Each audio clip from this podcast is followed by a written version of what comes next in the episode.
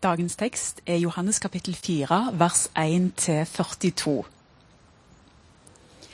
Jesus fikk nå vite hva fariseerne hadde hørt, at han vant flere disipler og døpte flere enn Johannes.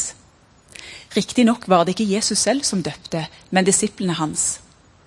Da forlot han Judea og dro igjen til Galilea. Han måtte reise gjennom Samaria, og der kom han til en by som het Syker, like ved det jordstykket Jakob ga sin sønn Josef. Der var Jakobskilden. Jesus var sliten etter vandringen, og han satte seg ned ved kilden. Det var omkring den sjette time. Da kommer en samaritansk kvinne for å hente vann. Jesus sier til henne, 'La meg få drikke'. Disiplene hans var nå gått inn i byen for å kjøpe mat. Hun sier, 'Hvordan kan du som er jøde, be meg, en samaritansk kvinne, om å få drikke?' For jødene omgås ikke samaritanene. Jesus svarte, om du hadde kjent Guds gave og visst hvem det er som ber deg om drikke, da hadde du bedt ham, og han hadde gitt deg levende vann. Herre, sa kvinnen, du har ikke noe å dra opp vann med, og brønnen er dyp. Hvor får du da det levende vannet fra? Du er vel ikke større enn vår stamfar Jakob? Han ga oss brønnen, og både han selv, sønnene hans og buskapen drakk av den. Jesus svarte, Den som drikker av dette vannet, blir tørst igjen. Men den som drikker av det vannet jeg vil gi, skal aldri mer tørste. For det vannet jeg vil gi, blir i ham en kilde med vann som veller fram og gir evig liv.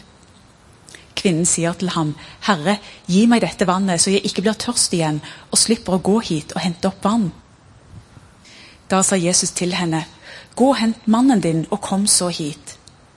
Jeg har ingen mann, svarte kvinnen. Du har rett når du sier at du ikke har noen mann, sa Jesus. For du har hatt fem menn, og han du har nå, er ikke din mann. Det du sier, er sant. Herre, jeg ser at du er en profet, sa kvinnen.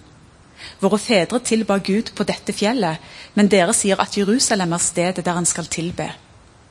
Jesus sier til henne, Tro meg, kvinne, den time kommer da det verken er på dette fjellet eller i Jerusalem dere skal tilbe Far. Dere tilber det dere ikke kjenner, men vi tilber det vi kjenner, for frelsen kommer fra jødene. Men den time kommer, ja, den er nå, da de sanne tilbedere skal tilbe Far i ånd og sannhet. For slike tilbedere vil Far ha. Gud er ånd, og den som tilber ham, må tilbe i ånd og sannhet. Jeg vet at Messias kommer, sier kvinnen. Messias er det samme som Kristus. Og når han kommer, skal han fortelle oss alt. Jesus sier til henne, det er jeg, jeg som snakker til deg. I det samme kom disiplene hans, og de undret seg over at han snakket med en kvinne, men ingen av dem spurte hva han ville, eller hvorfor han snakket med henne. Kvinnen lot nå vannkrukken sin stå og gikk inn i byen og sa til folk, kom og se en mann som har fortalt meg alt det jeg har gjort. Han skulle vel ikke være Messias? Da dro de ut av byen og kom til ham. I mellomtiden ba disiplene Jesus, Rabbi, kom og spis. Jeg har mat å spise som dere ikke vet om, svarte han. De sa til hverandre, har kanskje noen kommet med mat til ham? Men Jesus sa til dem, min mat er å gjøre det han vil, han som har sendt meg, og fullføre hans verk.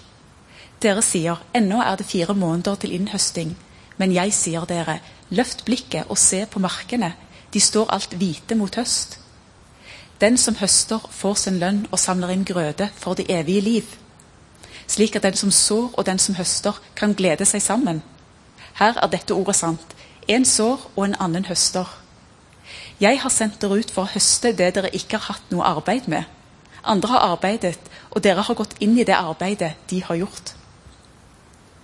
Mange av samaritanene fra denne byen kom til tro på Jesus pga. kvinnens ord da hun vitnet 'Han har fortalt meg alt det jeg har gjort'. Nå kom de til ham og ba ham bli hos dem, og han ble der i to dager. Mange flere kom til tro da de fikk høre hans eget ord. Og de sa til kvinnen, nå tror vi ikke lenger bare av det du sa. Vi har selv hørt ham, og vi vet at han virkelig er verdens frelser. Slik lyder Herrens ord.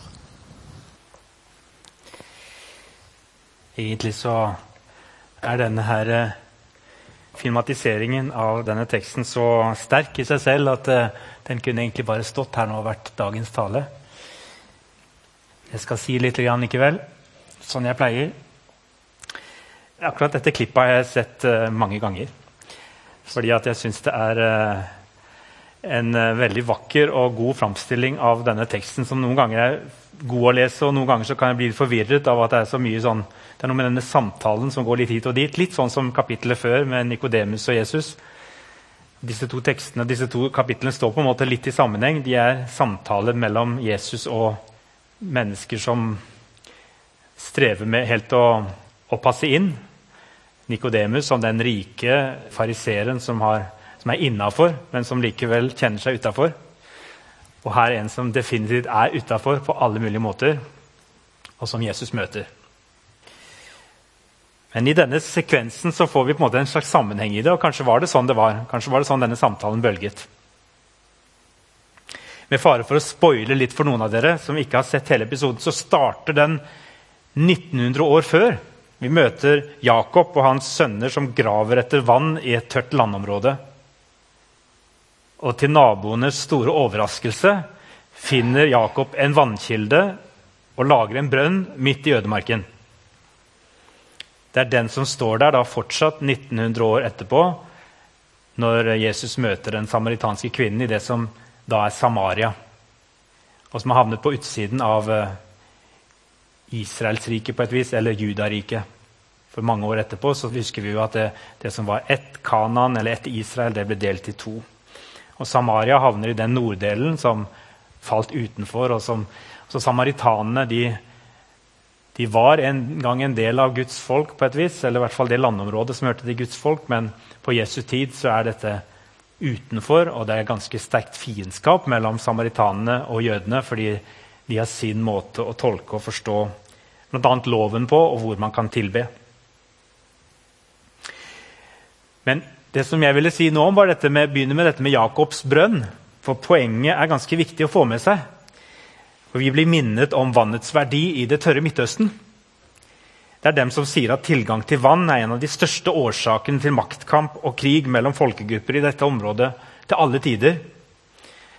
Her i Norge har vi fått en absurd situasjon i det siste med høye strømpriser. Absurd fordi det, det er reelt et problem for mange som har lite fra før, at de plutselig får en mye høyere strømregning. Og Samtidig så forteller det også litt om hvilke utfordringer vi egentlig har. Det er jo del ungdommer nå som opplever at dette er en helt umulig situasjon. De blir bedt om å dusje bare annenhver dag og passe på å ikke dusje for lenge. Det er kanskje en del av oss voksne som strever med det. Jeg skal ikke bagatellisere de høye strømutgiftene for folk som har for lite fra før. De finnes også iblant oss, sikkert også her i salen. Og samtidig, når det gjelder tilgang til rent vann, og det å vaske seg og drikke, så vet nok de færreste i Norge helt hva det er. Men la oss ta en liten kroppslig faktasjekk. En gjennomsnittlig mann består av 60% vann. Kvinner gjennomsnittlig ligger på ca. 50% vann, og barn på rundt 77% Det er vi litt avhengig av kroppsvekt. Og For å holde dette væskenivået i kroppen oppe er vi helt avhengig av å drikke nok. Kroppen kan klare seg uten mat i flere uker, men et voksent menneske kan overleve bare to til tre dager uten vann.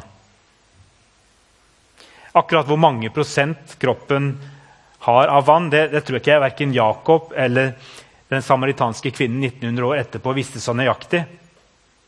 Men jeg er ganske sikker på at de visste ganske nøyaktig hva som ville skje hvis de ikke fikk i seg vann noen dager. For det har folk i Midtøsten visst til alle tider.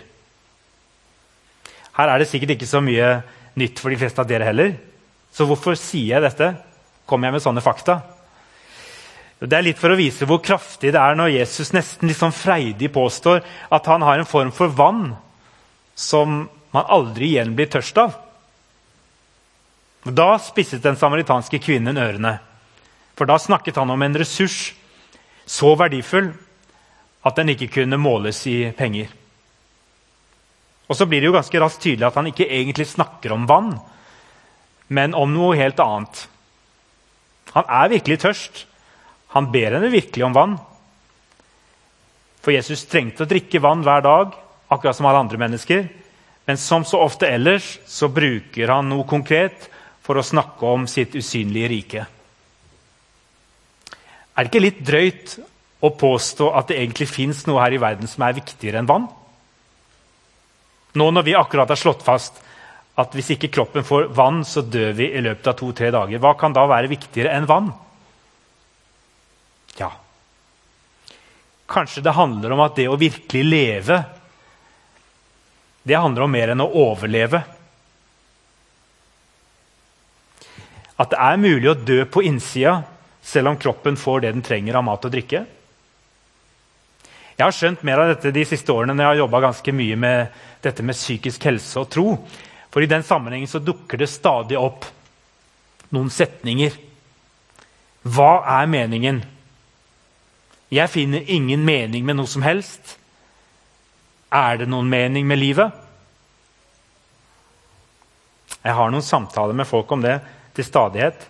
Jeg har skjønt at Når mennesker ikke lenger ser noen meninger, da er det litt som om de dør på innsida. Da hjelper det ikke med vann, og da hjelper det ikke bare å overleve. Og da er det ofte også sånn at man begynner etter hvert å lete etter muligheter for å slutte å leve. Og Sånn sett så går det an å si at det å oppleve at livet har en mening, det kan for et menneske være like viktig som vann. Tilgang til vann. Kanskje mange vil si at det her snakker om er et velstandsproblem. For det er jo bare her i Vesten vi er så opptatt av å finne meningen med livet og klager over det når vi ikke føler vi ser det. Men der man strever med å brødføse seg hver dag, så er det jo nettopp dette som blir viktig, og ikke sånne såkalte eksistensielle spørsmål. Er ikke det et sånt overflodsproblem? Det er slikt vi strever med, vi som har altfor mye av alt og altfor god tid til å sitte og gruble over tilværelsen. Det er litt sant i det. Jeg tror det er litt sant at det er lettere å bli deprimert i et velstandssamfunn på et vis enn i et samfunn der hvor det er de fysiske problemene som står i første rekke. Men, men mange av de åndelige og psykiske utfordrende i vårt samfunn de skyldes kanskje nettopp at vi har mer enn nok av det materielle, som andre lengter etter med god grunn. Mens vi ofte har for lite av det andre man trenger for ikke bare å overleve, men for å leve godt. Det er relasjoner, fellesskap, tilhørighet, røtter. Og det å lene seg til noe større enn oss selv, det som jeg kaller for Gud. Og Derfor er ensomhet et av vår tids store samfunnsproblemer og en vesentlig årsak til mye psykisk lidelse. Det er mye ensomhet å spore i den fortellinga som vi har sett og hørt i dag. Og det er mye meningsløshet. Og I tillegg så er det mye skam og opplevelse av avvisning. Og Derfor er denne fortellinga så tidløs og aktuell.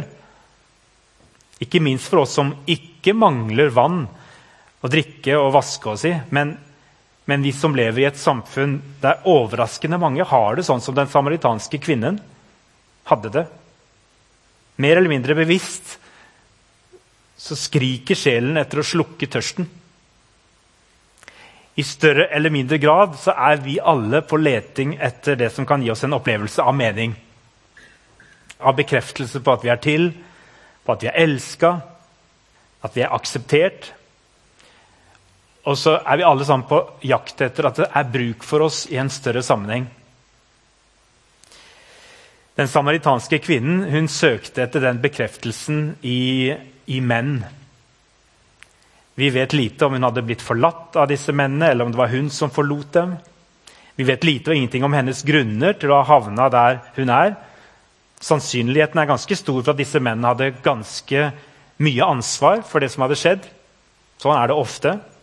Og Legg merke til at Jesus ikke sier noe om at hun hadde syndet. Ved en overfladisk lesning så kan vi raskt tenke at denne fortellingen handler først og fremst om synd og behov for tilgivelse. Det kan jo hende. Men kanskje handler det ikke om det. Men det er ikke først og fremst det Jesus setter fingeren på. Uansett.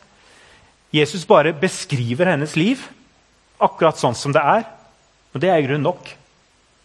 Hun har hatt fem menn, og den hun har nå, er ikke hennes mann. Det kan se ut som om denne fortellinga er veldig springende. Sånn at de snakker forbi hverandre. Det er i hvert fall sånn jeg opplever når jeg leser Johannes 4. Men framstillinga i The Chosen-episoden får jo på en fin måte fram hvordan, hvordan, det kan ha hengt sammen. Jeg skal ikke snakke så veldig mye om den andre delen, om dette religiøse samtalen om forståelsen av tempelet og sånn. Det lar jeg ligge litt i dag. Kanskje er denne samtalen veldig viktig, men kanskje er det også i første omgang en, en måte for henne å flykte litt fra de personlige spørsmålene. Det er litt lettere ofte å ta tak i et eller annet sånn religiøst problem når, når ting blir litt for personlig. Men Jesus møter henne der også. og så ledes de tilbake til hovedsaken. Så han avviser ikke hennes ønske om å snakke også om det andre. Det henger sammen. Men dette at de snakker litt forbi hverandre, gjør de egentlig det? Når vi leser i teksten at kvinnen sier, 'Herre, gi meg dette vannet, så jeg ikke blir tørst igjen og slipper å gå hit og hente opp vann', så sier han, 'Gå og hent mannen din og kom hit'. Hva er det nå? Hvorfor begynner han plutselig å snakke om hennes familieliv når de akkurat har snakket om vann man ikke blir tørst igjen av? Jo, fordi alt henger sammen. Jesus henleder oppmerksomheten til hennes egentlige tørst. Tørsten etter varige relasjoner. Tørsten etter å bli elsket, bekreftet, akseptert. Tørsten etter mening, tilhørighet. Som kanskje er viktigere når det kommer til stykket, enn vann. Men i dette jaget og den tørsten så er det noe som mangler. Hun blir bare tørst på nytt og på nytt. Om det er fordi mennene svikter henne, eller det er fordi hun ønsker seg noe hun ikke kan få, det vet vi ikke. Men dette er ikke en kvinne som har gjort det til en lek å leve på denne måten. Litt sånn type, Hun er ikke en som bare utnytter andre mennesker og så går hun videre med et likegyldig smil på munnen. For henne er livet blitt blodig alvor. Det har blitt til håpløshet, skam og fortvilelse. Og Det skjønner vi fordi hun kommer aleine til brønnen på høylys dag når det er som varmest for å unngå å møte de andre kvinnene. Og Derfor er dette også en fortelling om en som tørster etter kjærlighet. Men der hun så langt har lett, så blir hun bare tørst på nytt. Hun blir avvist, eller hun avviser. Og Jeg kunne snakka lenge om disse ulykksalige kildene til meningsløshet og eksistensiell tørst i dagens Norge. Jaget etter den perfekte kjærlighet eller den skadelige frikoblingen av sex og kjærlighet eller skammen over å bli avvist og, og tråkket på gang på gang. Ikke elsket for den man er, men mer for noe man har eller ikke har. Som et fint utseende, en spenstig kropp som kan brukes, for så etterpå å misbrukes.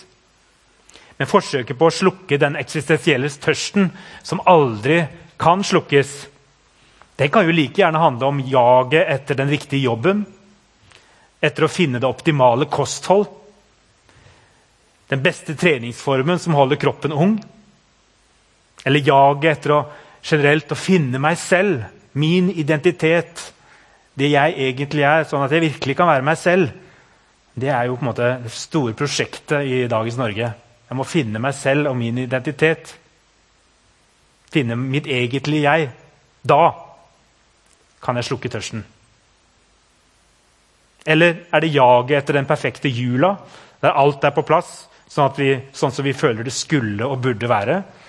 kan det være for oss akkurat nå litt det trivielle spørsmålet der vi kjenner på et eller annet, et eller annet sånn utilfredshet før vi har på en måte landa i noe som på en måte aldri kan oppnås. fordi det blir jo aldri helt sånn som vi syns å huske at det var. Denne tørsten som aldri kan tilfredsstilles. Det er da Jesus kommer og sier, 'Jeg har en kilde' Jeg har vann som jeg kan tilby i min person, og som skal bli en kilde i deg, som skal være en kilde som bare springer og springer ut. Så andre også kan få del i den. Og da begynner hun å skjønne hva slags vann er det Og så setter han puslespillet bitene sammen, sånn at til slutt så ser hun plutselig at det handler om det livet hun lever, og at Jesus faktisk kan gå inn og fylle hennes tørst her og nå og for evigheten. Og jeg skulle så gjerne ha på en måte oppdaga det sånn som hun dama oppdaga det den dagen. Sånn at liksom, du ser liksom bare hvordan hele, hele, henne lyser opp. Og det går opp for henne at her står det en rett foran meg som kan faktisk virkelig fylle min lengsel og mine behov. Og som sprenger alle de grensene som kroppen min setter, og omgivelsene mine setter, og mine nåværende relasjoner, gode, mindre gode, setter. Her er det faktisk en som er svaret og gir meningen den større meningen. For jeg vet jo med hodet mitt at det er sånn. at Jesus er ham. Som han sa, 'Jeg er ham. Jeg er han dere har venta på. Jeg er han du søker etter og lengter etter.' Du trenger ikke å lete alle andre steder. Jeg kan slukke tørsten din.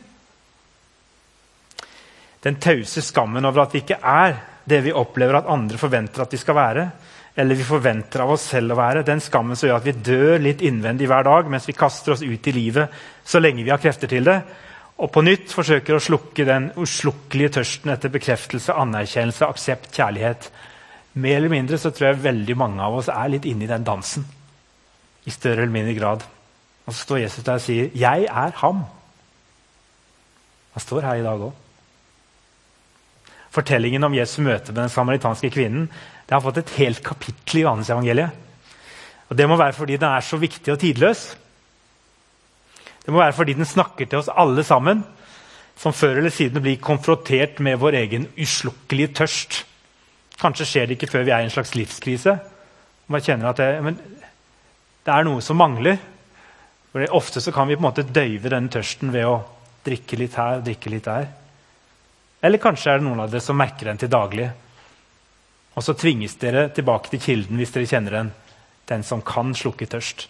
Legg merke til at Jesus klarer å snakke om det unevnelige, om skammen og fortvilelsen, uten at den samaritanske kvinnen kjenner seg dømt og avvist. Det er jo et kunststykke. Jeg vet ikke om jeg klarer det på samme måten. Men der ligger noe av nøkkelen til, til det å verken fortrenge og la være å snakke om, og det å våge å åpne opp. Det er ganske mange som har oppdaget i det siste, både i kristen sammenheng, men også ikke minst i, i terapi og psykologi, at uh, skam er, er, et fenomen som er veldig veldig framtredende i dagens samfunn. Kanskje mer enn skyld så kjenner mennesker på skam. Og den viktigste forskjellen på skyld og skam det er at skylden den er ganske konkret, for den handler om noe vi har gjort. Og da kan vi liksom ta det og si det er det. Vi har gjort det, og så kan det kanskje tas bort eller det kan jobbes med. Men skammen det er noe vi er. Og da er det litt sånn vanskelig å få tak på det. Brené Brown hun har jo da skrevet om skam og sårbarhet og har til å sette ord på det på en sånn måte at hun blir lest av veldig mange i verden. Og Hun sier to ting som begge er sanne samtidig om skam. Hun sier skam kan ikke overleve når den blir satt ord på. Den kan ikke overleve medfølelse. Tenk på det. Og Det sier en som ikke sier ut fra et kristent ståsted, men det er jo det Jesus gjør her. Når han tør å gå inn i skammen hennes og hjelpe henne til å sette ord på det. Og så står han der bare, og så tar han imot det og rommer det. Og da er det akkurat som trollet som kommer ut i sola. Det begynner liksom å fordunste. Det høres jo veldig lett ut, da. Heldigvis så sier Brené Brown også noe annet. Hun sier også hvis vi deler våre skamfortellinger med de gale personene, så kan de lett bli til nye biter av flyvende gjenstander i en allerede farlig storm. Altså Vi deler de ut, og så kommer de tilbake til oss i en slags storm. Og Det handler jo om at det dessverre ikke er sånn at eh, skamfortellingene alltid kan deles med alle. Det er det noen som har fått erfare fordi de har opplevd at mennesker avviste dem, eller miljøer eller fellesskap avviste dem. Jesus han, han kan man dele sin sårbarhet og sin skam med uten å bli avvist. Han er det som lærer oss at når du tør å komme ut i sola med det og si det, om det så er bare aleine med meg, så har jeg et ord til deg om nåde og en ny start. Uansett om den skammen du kjenner på, er fordi du har gjort noe, eller fordi andre har påført deg skam, og du lider av den verden som eh, er stappfull av ondskap og undertrykkelse og mye vondt. For I denne teksten så er det muligheter for begge deler. Det er mulighet for at skammen er fordi hun sjøl er årsak. Og det er også mulig at det er fordi at andre har påført henne skam. Og så har det blitt til nye skamfortellinger om det å være avvist og det å ikke bli bekreftet og det å egentlig nesten ha gitt opp og slukke tørsten. den egentlige tørsten. Og så står Jesus der, og så står vi som kristen fellesskap der, for vi representerer jo Jesus. Og så er øvelsen på en måte å, å klare å stå der og tilby Jesus uten å si at det handler om å tilby oss selv. Det er klart at vi skal tilby hverandre hverandres fellesskap og kjærlighet, men det er veldig viktig også å si at kona mi kan aldri erstatte Jesus. Bestevennene mine kan aldri erstatte Jesus. Jeg vil alltid oppleve at andre mennesker har en betinget kjærlighet å komme med.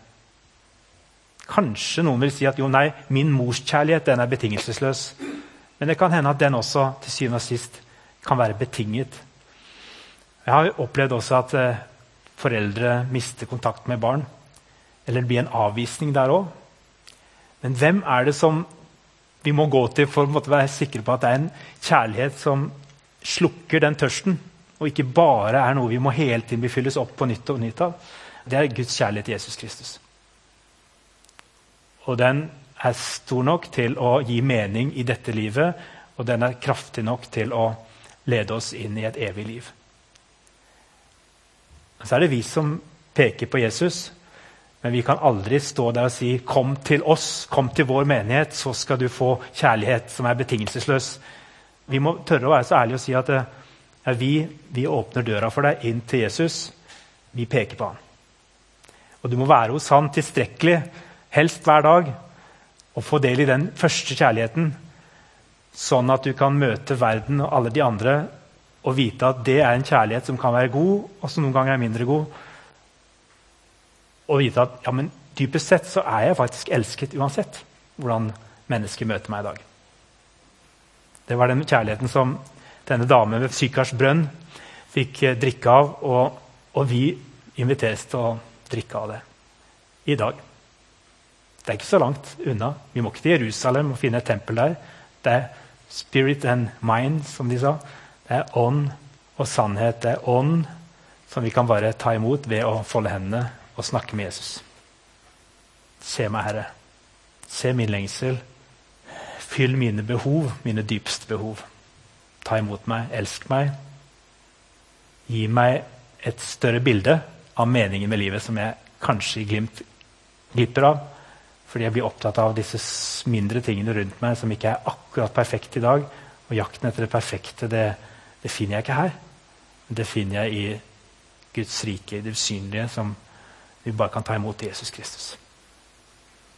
Amen.